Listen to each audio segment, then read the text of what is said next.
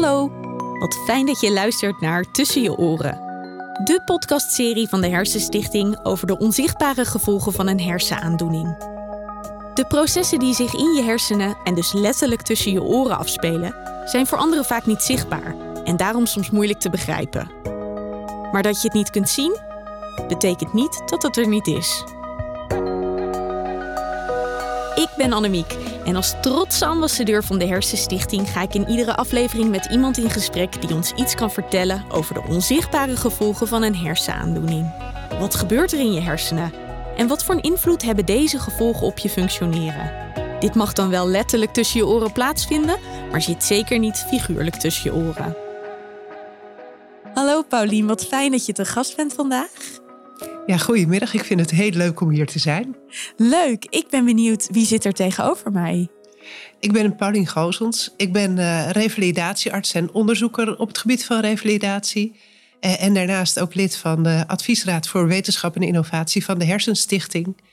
Ik vind het heel leuk om hier uh, iets te mogen komen vertellen. Wat betekenen jouw hersenen voor jou? Ja, mijn hersenen zijn uh, een belangrijk deel van mijn uh, lichaam. Je kan ze niet zien. Ik heb mijn eigen hersens nog nooit gezien. En tegelijkertijd kan ik daar de hele wereld mee verzinnen en bedenken en mijn lijf mee aansturen. Ik zou willen zeggen, voor mij zijn mijn hersens wat ik ben en mijn belangrijkste onderdeel. En ik heb ook veel onderzoek gedaan naar hoe kun je mensen met hersenletsel na een beroerte of na een reanimatie het beste revalideren. Hoe kan je ervoor zorgen dat ook mensen met hersenletsel betrokken worden bij samen beslissen. En ik vind het heel belangrijk dat we ook kijken naar wat de gevolgen zijn van corona op de hersens. Alle redenen om de hersenen heel intrigerend te vinden. Ja, daar wil ik straks uitgebreid met je over praten, want daar ben ik ook ontzettend benieuwd naar. Maar eerst, hoe ziet jouw werk als revalidatiearts eruit? Ja, als revalidatiearts zie ik patiënten met allerlei soorten hersenletsel. En dat zijn allerlei soorten patiënten. Het kan zijn dat het hersenletsel ontstaan is door een beroerte. Dat komt best veel voor, helaas. Het kan zijn dat het hersenletsel ontstaan is door een ongeluk, maar ook door ziekte. En dan moet je denken aan tumoren die mensen in hun hoofd kunnen hebben. Maar het kan ook een hersenontsteking zijn. Of nou ja, zoals nu ook mensen die door corona bijverschijnselen hebben gekregen die invloed hebben op de hersens. Wat zijn dan van die symptomen die je vaak tegenkomt? Ja, er zijn wel veel overeenkomsten tussen mensen met hersenletsel. En eigenlijk is wat je kan zien aan de buitenkant, dat is maar heel weinig. Je kan verlamming zien, je kan spasmen vaak zien. En soms zie je dat iemand nou, wat anders kijkt, dat kun je misschien aan de buitenkant zien. Maar 80% van de gevolgen van hersenletsel is onzichtbaar. En dat kan van alles zijn kan denken aan zintuigen die het niet meer goed doen. Niet meer goed kunnen zien, niet meer goed kunnen horen, niet meer goed kunnen voelen. Dat kun je allemaal niet zien, maar het is er wel. En dat heeft een behoorlijke impact. Zeker. Stel je voor dat je niet meer je benen kunt voelen, dan wordt het lopen plotseling heel lastig. Maar aan die benen zie je niks. En als je kijkt hoe sterk ze zijn, kan het zijn dat ze gewoon helemaal normaal sterk zijn. Dat is toch wonderlijk, hè? Hoe dat wat dat betreft werkt. Ja. Wat houdt zo'n revalidatieproces precies in? We beginnen eigenlijk altijd met heel goed kijken wat is er aan de hand. Dat begint zodra een patiënt bij mij de spreekkamer binnenloopt. Dat ik kijk wat is er nou aan de hand qua zichtbare, maar ook qua onzichtbare gevolgen. En onzichtbare gevolgen zijn bijvoorbeeld ook dat iemand zich anders voelt of op een andere manier contact maakt met andere mensen eh, of veel vermoeider is, veel minder goed tegen prikkels kan. Dat is echt een puzzel om samen met de patiënt te kijken wat is er nou precies met deze patiënt aan de hand. En dat is voor elke patiënt anders. En dat maakt het lastig. Maar ja, aan de andere kant mijn vak ook wel weer leuk. Elke dag is anders. Elke dag is anders. En dat is wel echt een specialisme wat een revalidatiearts met zijn team of haar team, zijn vaak vrouwen, samen heeft om die puzzel met elkaar te leggen. Dat heel goed uit te leggen aan een patiënt en de mensen eromheen, die ook belangrijk zijn. Hè? Want hersenletsel krijg je echt niet alleen. En om dan vervolgens te kijken, goh, en hoe kunnen we daar nou mee verder? Wat kan je nou doen, anders doen, leren, aanpassen, om toch weer zo goed mogelijk verder te kunnen? Heb je daar voorbeelden van? Wat zijn dingen die mensen kunnen doen? Ik heb daar heel veel voorbeelden van. En een patiënt die me goed bijstaat is van niet zo lang geleden. Een mevrouw die een bepaalde soort hersenbloeding heeft gekregen. Eigenlijk heel goed hersteld is. Qua motoriek, qua bewegen. Maar wel heel moe blijft, snel overprikkeld blijft. En met iedereen om zich heen plotseling ruzie maakt. Terwijl dat helemaal niet bij haar hoort. Dat is niet haar karakter. Helemaal niet haar karakter. Haar man en haar kinderen zeggen: We weten niet wat er met moeders aan de hand is. En om dan de puzzel te leggen, wat is er aan de hand? En dat bleek een heel specifieke soort cognitieve communicatiestoornis, noemen wij dat dan. Maar het komt er eigenlijk op neer: deze mevrouw begrijpt alle taal letterlijk. Elk grapje wat je tegen haar maakt, vat zij letterlijk op dan krijg je dus snel ruzie met de mensen om je heen. Dat is hetzelfde als, of tenminste, het is niet hetzelfde, maar het is vergelijkbaar. Ik heb een tijd geleden een boek gelezen en dat ging over een vrouw met autisme. En die zei: Ja, als iemand zegt ik loop tegen een muur op, dan zit daar natuurlijk een figuurlijke betekenis achter. Maar zij snapte dat niet. Dus zij dacht: Hè, maar ik zie jou helemaal niet tegen een muur oplopen. Dat lijkt me ook een hele verwarrende situatie voor iemand die dat zo ervaart. Zeker, dat is een hele verwarrende situatie. Dit stukje taal maakte zoveel verschil uit voor haar en ze realiseerde zich pas dat dat veranderd was op het moment dat we dat helemaal uitzochten, uitlegden. En toen kon ze er ook veel beter mee omgaan. Als ze toen weer aanvoelde, oh, ik voel die boosheid weer komen, dan kon ze vragen, bedoelde jij dat nou zo? Dan is communicatie echt belangrijk, hè? Super belangrijk. Je zegt ook wel iets heel interessants, want dit gaat dus ook over een zoektocht van hoe ga je met jezelf om. En ik zou bij revalideren bijvoorbeeld meteen toch wel denken ook aan bewegen. Dat zit dan zo in mijn hoofd, omdat als iemand een been gebroken heeft, dan moet hij opnieuw leren lopen bijvoorbeeld.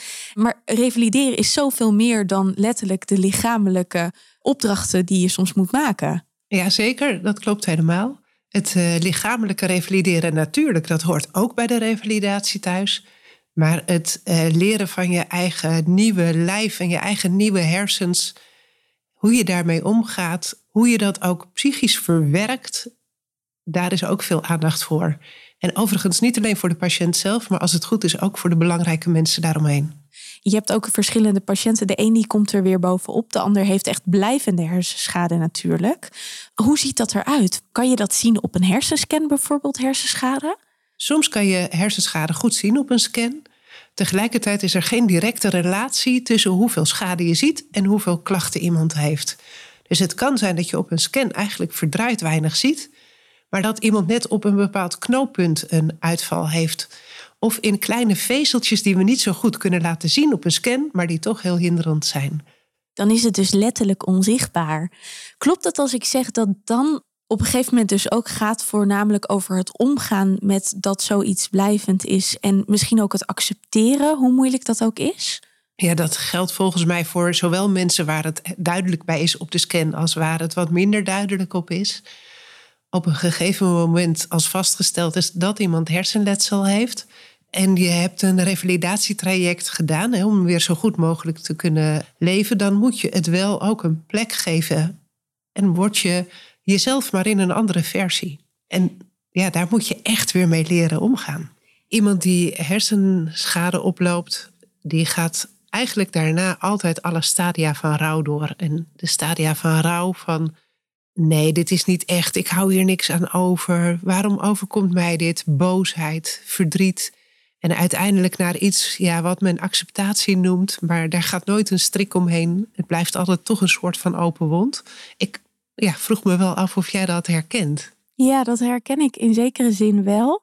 Tegelijkertijd kom ik er nu steeds meer achter dat omdat ik zo jong was, toen ik voor het eerst een depressie kreeg, ik niet zo goed weet wat ik miste daarvoor. Ja, in zekere zin natuurlijk wel dat je bepaalde dingen iets minder goed kan. Denk aan feestjes, denk aan uh, bepaalde prikkels.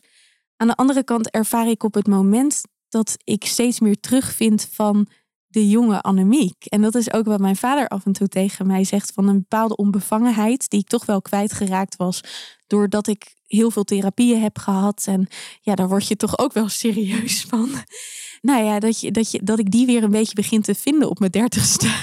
Ja. en dat is dan ook wel weer heel erg fijn. Maar ik snap wel wat je zegt met je moet aan een nieuwe situatie wennen. Dat is wat het is. Ja. Je hebt momenten waarop je denkt, ja, dat is me gelukt. En je hebt momenten waarop je toch weer even boos of verdrietig bent op de situatie. Dat snap ik heel goed. En daar mag je ook best, ook op langere termijn, soms wat hulp bij krijgen als je dat nodig hebt. Want acceptatie is voor mij een proces wat nooit af is en waar ook bij tijd en wijle onderhoud aan nodig is.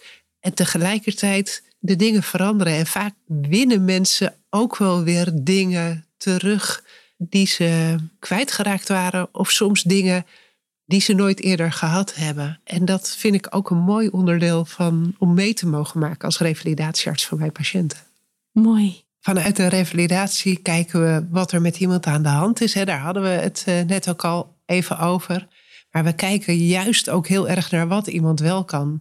Wat zijn iemands sterke kanten die hij van zichzelf altijd al heeft? Wat zijn dingen die iemand nog wel kan, ondanks het hersenletsel wat hij heeft? En daar maken we enorm gebruik van om weer de dingen te kunnen doen die belangrijk voor iemand zijn. Dus iemand die bijvoorbeeld niet meer kan leren lopen, maar wel op een andere manier kan voortbewegen, die kan toch op de voor hem belangrijke plekken komen. En zo heb je datzelfde eigenlijk ook met nadenkdingen. Als je niet meer zo goed verborgen taal gebruikt, dat, dat wat die grapjes kunt snappen, maar je intellectuele vermogen, je nadenkvermogen is eigenlijk verder heel goed kan je heel goed op een andere manier leren om daarmee om te gaan. Om toch weer heel goede interactie, heel goede contacten met andere mensen te kunnen hebben. En dat uitgaan van wat iemand wel kan, dat is denk ik heel belangrijk. En een ander voorbeeld daarin is iemand die bijvoorbeeld niet meer zo goed kan onthouden wat er gezegd wordt kan soms wel heel goed in plaatjes onthouden of heel goed in geschreven tekst onthouden. En dat uitpluizen met een patiënt samen, welk stukje hersens het nou het beste doet en hoe je dat dan het beste in kan zetten om toch de dingen te doen die belangrijk zijn. Ja, dat maakt dat revalidatiegeneeskunde vanuit een positieve blik kijkt naar het leven.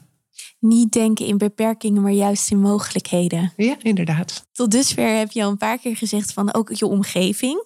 Hoe neem je de omgeving mee in zo'n revalidatieproces? In het revalidatiecentrum is ook altijd aandacht voor de partner en voor de kinderen, bijvoorbeeld, hè, of andere heel belangrijke mensen. Die nemen we voor een deel mee in het traject, kunnen meekomen kijken. Zijn soms familiedagen of partnerdagen voor. Voor kinderen hebben we meeloopdagen. De omgeving is echt aandacht. Dat is heel belangrijk. Want het heeft een behoorlijke impact op je leven. En je omgeving, die zal, wat je net bijvoorbeeld heel goed in een voorbeeld aangaf, van die mevrouw die ineens boos wordt. De omgeving zal verandering zien. En die moet zich ook opnieuw verhouden tot de nieuwe situatie eigenlijk. Ja, ja hersenletsel krijg je niet alleen. Hersenletsel treft de patiënt, maar treft daarnaast ook net zo goed alle mensen die met die mens te maken krijgen. En die moeten daar een beetje rekening mee houden. En dan kunnen mensen veel beter functioneren. Bijvoorbeeld als iemand heel vermoeid is en snel last heeft van prikkels, dan helpt het enorm als de omgeving iemand nou, wat meer hersteltijd gunt, wat minder stress erop legt, wat meer eigen regie in taken bijvoorbeeld weet te regelen. Je moet je realiseren dat het intellectueel vermogen is vaak niet aangetast, maar sommige hele specifieke dingen zijn wel aangetast. Lijkt me behoorlijk frustrerend. Dat is heel frustrerend voor patiënten. Die moeten daar echt door zoveel onbegrip soms heen. De ene mens waar ze mee te maken hebben zegt: joh, stel je niet aan. Terwijl de andere mens ervan uitgaat: ja, maar als je een ingewikkelde wiskundesom kunt oplossen, dan moet je ook eigenlijk alles wel weer kunnen en dan worden de eisen te hoog gesteld. Dat blijft dan toch weer simpelweg, je kunt het niet zien, maar het is er wel. Ik ben benieuwd, wat zijn nou nog meer van die onzichtbare gevolgen? We hadden net al over het eh, niet begrijpen van figuurlijk taalgebruik. Zijn er nou nog meer voorbeelden die jij in het dagelijks leven vaak tegenkomt? Wat ik vaak ook tegenkom is dat mensen zichzelf anders voelen.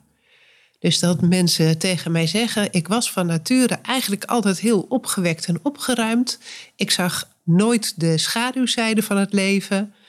En nu na het hersenletsel lijkt het alsof ik alles veel zwaarder voel en alsof de lucht zwaarder is geworden. Andersom komt ook voor dat mensen die somberder waren ingesteld juist blijmoediger worden. Maar over het algemeen genomen lijkt het erop dat mensen iets grotere kans hebben om soms wat zwaarmoedig te zijn. Eigenlijk krijg je dus op het feit dat je hersenschade hebt en dat je dus al verandering in, in jezelf ziet optreden, krijg je daar dus ook nog emotioneel een verwerkingsproces bovenop. Ja, dat is het lastige. Je bent anders geworden. Je gebruiksaanwijzing is veranderd. Je gebruiksaanwijzing van je lijf is veranderd, maar ook van je hersens. En daar met dat veranderde lijf en hersens, ja, hersens zijn onderdeel van je lijf voor mij. Hè. Ik zie dat niet los van elkaar. Moet je dan zien te dealen met alle emoties als waarom overkomt mij dit? Hoe moet ik nu verder? Hoe moet ik dat met mijn partner, met mijn werk, met alle dingen die het leven voor je zinvol maken? Je sociale rollen, je sport die je misschien niet meer kan doen. En dat is een enorme klus en opgave nou, waar je best wat steun en coaching bij mag krijgen, vind ik. En op de korte termijn, vlak nadat mensen hersenletsel hebben opgelopen, komen mensen vaak in een revalidatiecentrum. Niet altijd, maar vaak wel. Maar ook op langere termijn kan het zijn dat er ja, iets jouw zijn verstoort. Dat kan een nieuwe omstandigheid zijn. Je kunt iets leuks meemaken, een nieuwe baan krijgen, een kind krijgen. En toch kan dat het evenwicht wat je hebt verstoren. Of je kunt natuurlijk ook iets verdrietigs meemaken. Je partner die je altijd steunde valt weg. En dan is het goed om te weten dat ook dan je welkom bent bij of het revalidatiecentrum of bij bijvoorbeeld Hersens. Om opnieuw steun te krijgen, om opnieuw te kijken hoe kan je verder met je leven. Je hoeft het niet alleen te doen. Je hoeft het niet alleen te doen. Kun jij je nou voorstellen wat het betekent of hoe het voelt om ineens geconfronteerd te worden met hersenschade? Ik heb het heel veel meegemaakt bij patiënten die dat net overkomen is. Dus ik heb wel een beeld bij hoe dat er aan de buitenkant uitziet. Maar hoe dat daadwerkelijk voelt en hoe het zou zijn als het mij overkwam, ik denk daar wel eens aan, maar ik kan daar nooit zo lang aan denken, want dan blokkeer ik een beetje. Ja, dat emotioneert ook, toch? Ja. Je hersenen zijn voor jou zo ontzettend belangrijk, voor wie niet eigenlijk. En als daar iets mee gebeurt, dan, dan ben je zo kwetsbaar. Absoluut. Hoe zorg jij nou voor je hersenen? Ik bedoel, iedereen heeft hersenen en die nemen we soms voor lief. Die vinden we soms vanzelfsprekend. Maar het is wel belangrijk om er een beetje voor te zorgen. Ja, absoluut. Ik denk dat het heel belangrijk is om daar best bewust mee bezig te zijn. En voor mij betekent zorgen voor mijn hersenen een heleboel basale dingen eigenlijk. Zorgen dat ik voldoende slaap. Dan werken mijn hersens beter en ik ben ook nog aardiger. Zorgen dat ik gezond eet, dat er vitamines binnenkomen. Ik drink heel weinig alcohol. Ik rook niet. Ik gebruik geen drugs. Ik probeer te bewegen. En dat is zeker in coronatijd best heel lastig met de avondklok erbij. Die maakt het moeilijk om s'avonds nog eens even een ommetje te doen. Maar desalniettemin op de momenten dat het wel kan, goed bewegen. Ja, dat zijn belangrijke dingen. En ook, en dat is voor mij echt een uitdaging, probeer je dag niet zo vol te proppen dat je geen rusttijd meer tussendoor hebt. Je maakte net een mooi bruggetje naar corona. We nemen deze podcast op tijdens de lockdown. We doen dat natuurlijk netjes op anderhalve meter afstand. Nu zijn er steeds meer zorgen over de gevolgen die corona teweeg kan brengen, ook op het gebied van je hersenen. Zou je me daar iets meer over kunnen vertellen? We weten eigenlijk al best een tijd dat corona op een aantal manieren invloed kan hebben op je hersens. Doordat het bloed stolbaarder is als je een heftige vorm van corona krijgt, heb je een grotere kans dat je een beroerte krijgt, bijvoorbeeld. Als je een heftige afweerreactie maakt tegen corona, kan die afweerreactie zelfs in je hersens tot schade leiden. Je kunt een hersenvlies of een hersenontsteking krijgen door corona. En tegelijkertijd is het goede nieuws dat al deze hele nare dingen relatief maar heel weinig voor lijken te komen. Dus we hoeven niet heel bang te zijn. Nou, wat er wel veel voorkomt, is dat mensen na corona nog heel lang klachten hebben. En dan krijg je een beetje academische discussie. wat hoort bij hersens en wat hoort niet bij hersens. Veel patiënten die ik zie met langdurige klachten na corona, die hebben een ontregeling van hun onwillekeurige zenuwstelsel. En het onwillekeurig zenuwstelsel, dat is, ik noem het de thermostaat van je lichaam. Die regelt of je warme of koude handen hebt, of je hart snel klopt of langzaam klopt.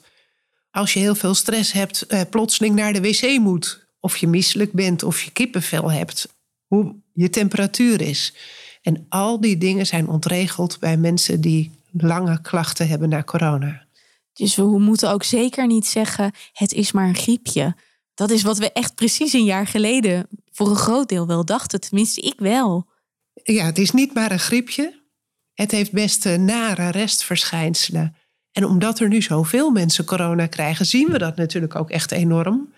Maar de schatting is dat er 40.000 mensen op dit moment in Nederland restverschijnselen na corona ervaren. En de een wat meer en de ander wat minder. Maar het is toch best veel.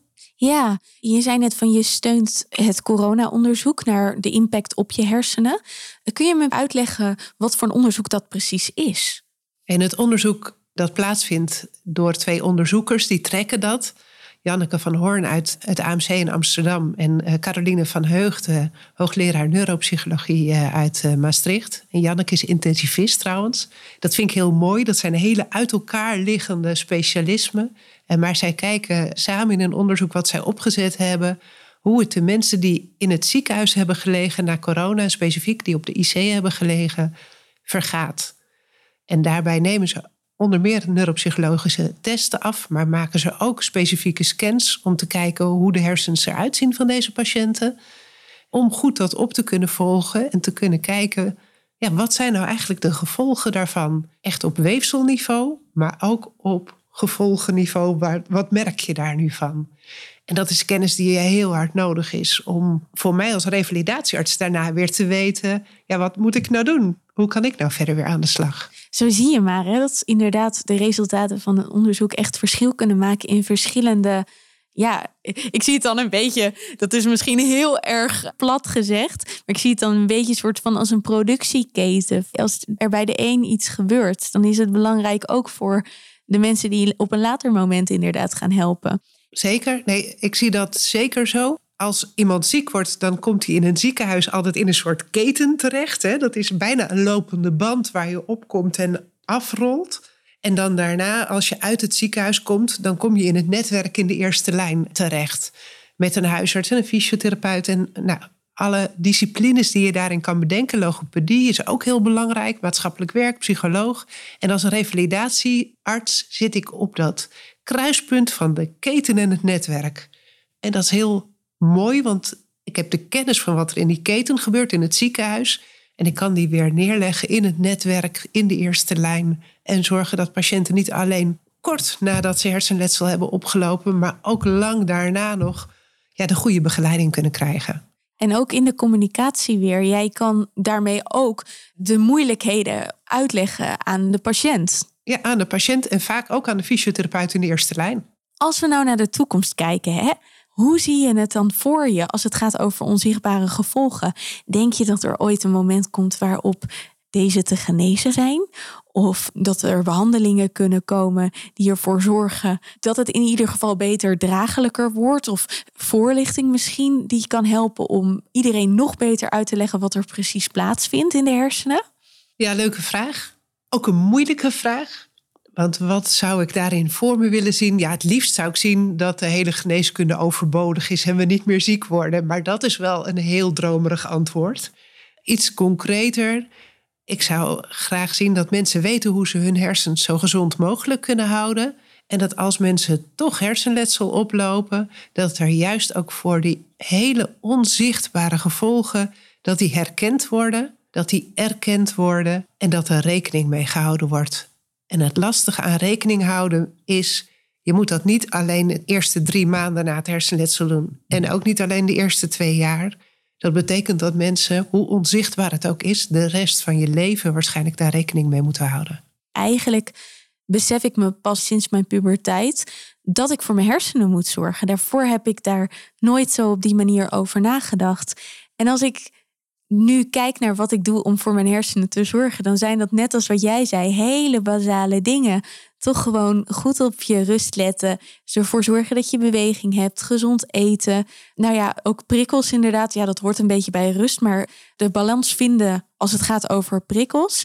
En nou ja, dat vind ik heel mooi aan wat jij zegt. Van eigenlijk zit heel veel in preventie. Als ik eerder geweten had dat ik voor mijn hersenen moest zorgen, was het niet zo geweest dat ik niet depressief zou worden.